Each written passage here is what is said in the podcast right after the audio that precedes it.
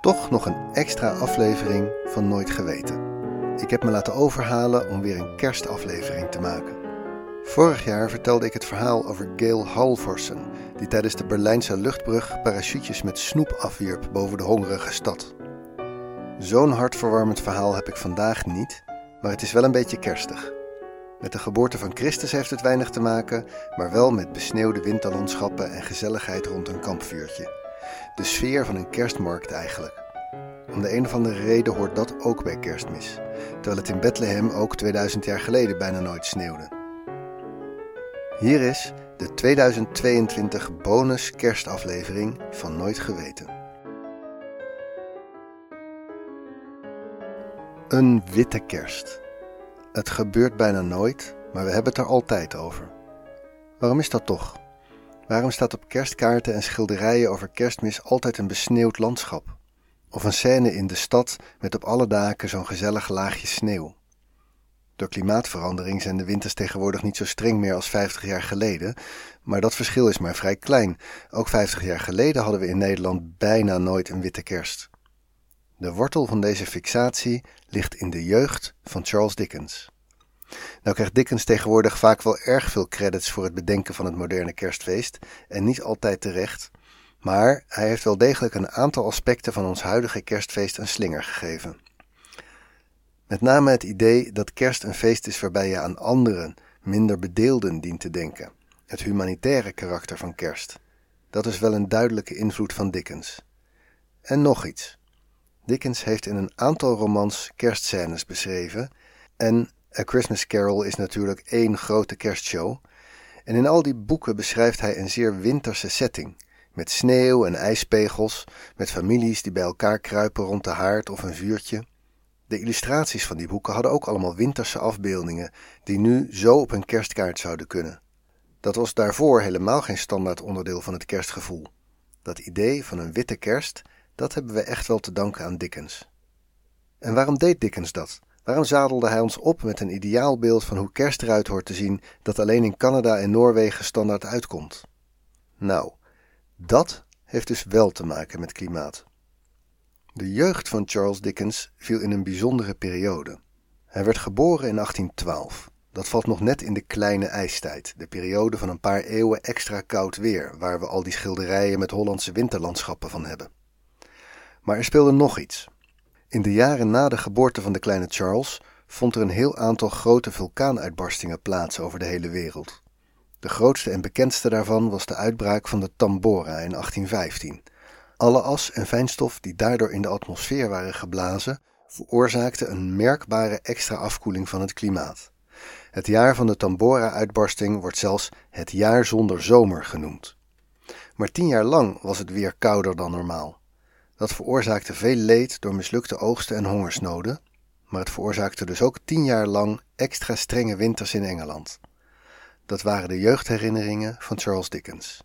Met kerst lag er altijd een dik pak sneeuw. En dat hadden natuurlijk herinneringen kunnen zijn aan ijzige kou, energiearmoede en doodgevroren meisjes met zwavelstokjes, maar op de een of andere manier waren die herinneringen heel warm en gezellig rond een ton waarop kastanjes worden geroosterd en lekker binnen bij de haard.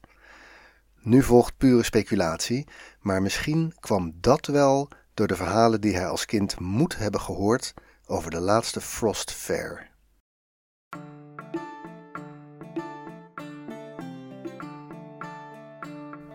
In de winter van 1814 was de kleine Charles net twee, dus hij zal het niet bewust hebben meegemaakt. Hoe eind december de vorst inzette en niet meer wegging en hoe de stad steeds verder invroor en onder een steeds dikker pak sneeuw kwam. Hoe alle transport en de post tot stilstand kwam. De rivier de Theems was voor Londen een belangrijke verkeersader. Er waren nog niet zoveel bruggen en de rivier oversteken deed men meestal per boot. Maar dat werd steeds gevaarlijker door de drijvende ijsschotsen en kruiend ijs. Steeds meer schepen en scheepjes raakten ingevroren. En toen, na ongeveer een maand vorst, vroor de Theems helemaal dicht. De bootslui, die al weken geen geld meer hadden kunnen verdienen, wisten wat ze te doen stond. Zij hadden een officiële vergunning om mensen over de rivier te laten en, zo vonden ze, dat gold ook nu. De ouderen konden zich ook nog wel herinneren wat er gebeurde als de Theems dichtvroor. Een frost fair. Dus posteerde al snel op alle plekken waar je bij het water kon komen, bovenaan bij de houten trappen, een bootsman. Die rekende een klein bedrag voor de toegang tot het ijs en nog een bedragje als je er weer af wilde. De bevolking wilde dat wel meemaken, lopend over de rivier naar de overkant, dus al snel werd het behoorlijk druk op het ijs. Wat op zijn beurt weer een kans was voor alle mogelijke handeltjes die door de sneeuw en de vorst al een maand stil lagen. Op het ijs werd een schaap geroosterd boven een vuur. Voor een shilling kon je een stuk kopen, voor een halve mocht je erbij komen staan kijken. Lekker warm. Overal op het ijs werden tenten opgezet waar je kon eten, kon drinken, kon gokken. Er werden appeltjes geroosterd en chocolademelk geschonken, met gin. Er waren boekenstalletjes en meerdere drukpersen werden op het ijs geïnstalleerd.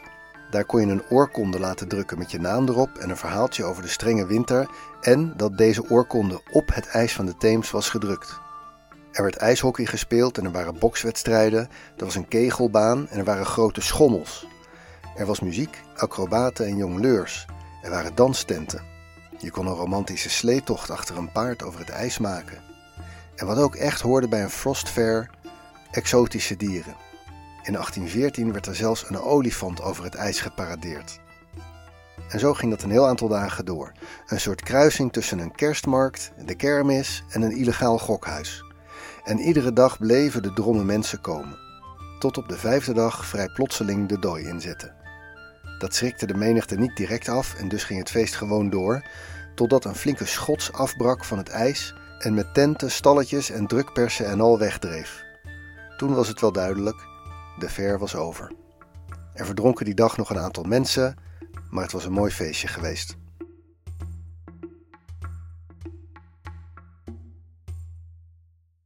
En terwijl in de eeuwen ervoor pakweg elke 30 jaar wel een Frost Fair te vieren was geweest, was deze fair de fair waar Charles Dickens in zijn jeugd nog spectaculaire verhalen over moet hebben gehoord. Deze was de allerlaatste. Niet alleen omdat het klimaat warmer werd. De frostfairs werden namelijk voor een groot deel mogelijk gemaakt door de oude London Bridge. London Bridge is nu een vrij saaie brug met een soort snelweg eroverheen. Maar tot 1830 was London Bridge een bijzondere verschijning. Eeuwenlang was het de enige brugverbinding tussen Noord- en Zuid-Londen.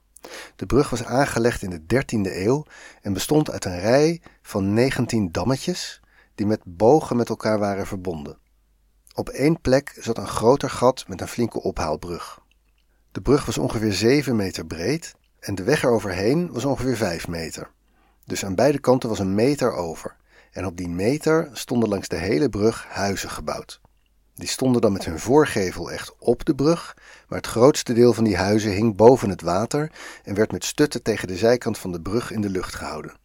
Door de eeuwen werden er natuurlijk telkens stukjes aangeplakt, dus in 1800 hadden de meeste van die huizen vier of vijf verdiepingen. In alle huizen zaten winkels en London Bridge was een van de belangrijkste winkelstraten van Londen.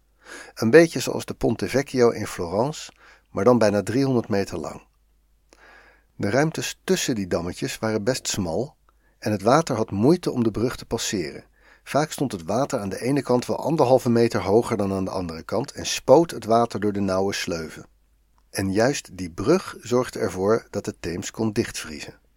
Als het flink vroor, kwamen er ijsschotsen mee drijven, die vaak bleven hangen voor de smalle doorgangen. Dus hoopte er een soort dijkje van kruiend ijs op voor de brug. En dat zorgde er weer voor dat het water nog meer moeite had om langs de brug te komen.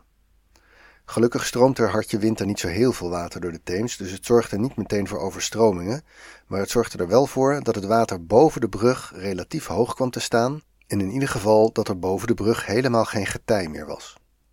De oevers waren in die tijd ook nog niet rechte kades, maar meer glooiende oevers, dus het water komt wat hoger te staan, waardoor de rivier lekker breed werd en nog maar heel langzaam stroomde geen getij en een soort dijk van ijsschotsen tegen de brug aan.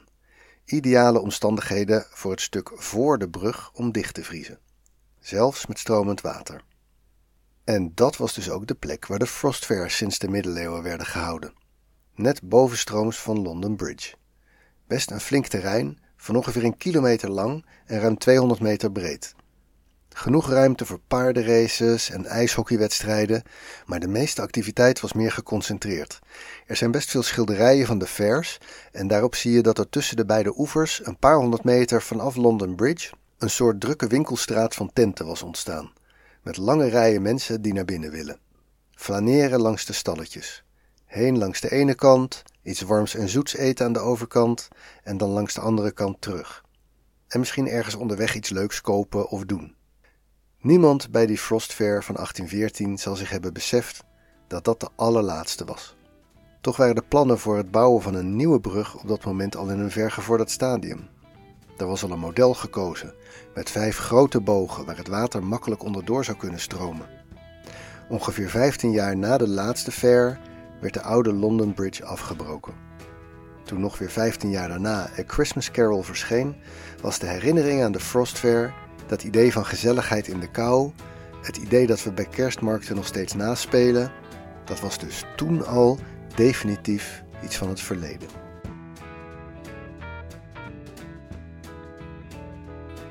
Dit was een speciale bonus kerstaflevering van Nooit Geweten. Zowel het onderwerp als het laatste duwtje om weer een kerstaflevering te maken waren afkomstig van Marije Grijpink. Dank daarvoor. Zoals gewoonlijk, dank aan alle personen die hebben bijgedragen aan de Wikipedia-artikelen die ik heb gebruikt. Dank aan de makers van de muziek en aan jou voor het luisteren. Ik wens jullie allemaal mooie feestdagen. Als je dit pas ver na de kerst hoort, dan alvast voor de volgende. Pas op met vuurwerk, wees lief voor elkaar en wees komend jaar de beste persoon die je kunt zijn.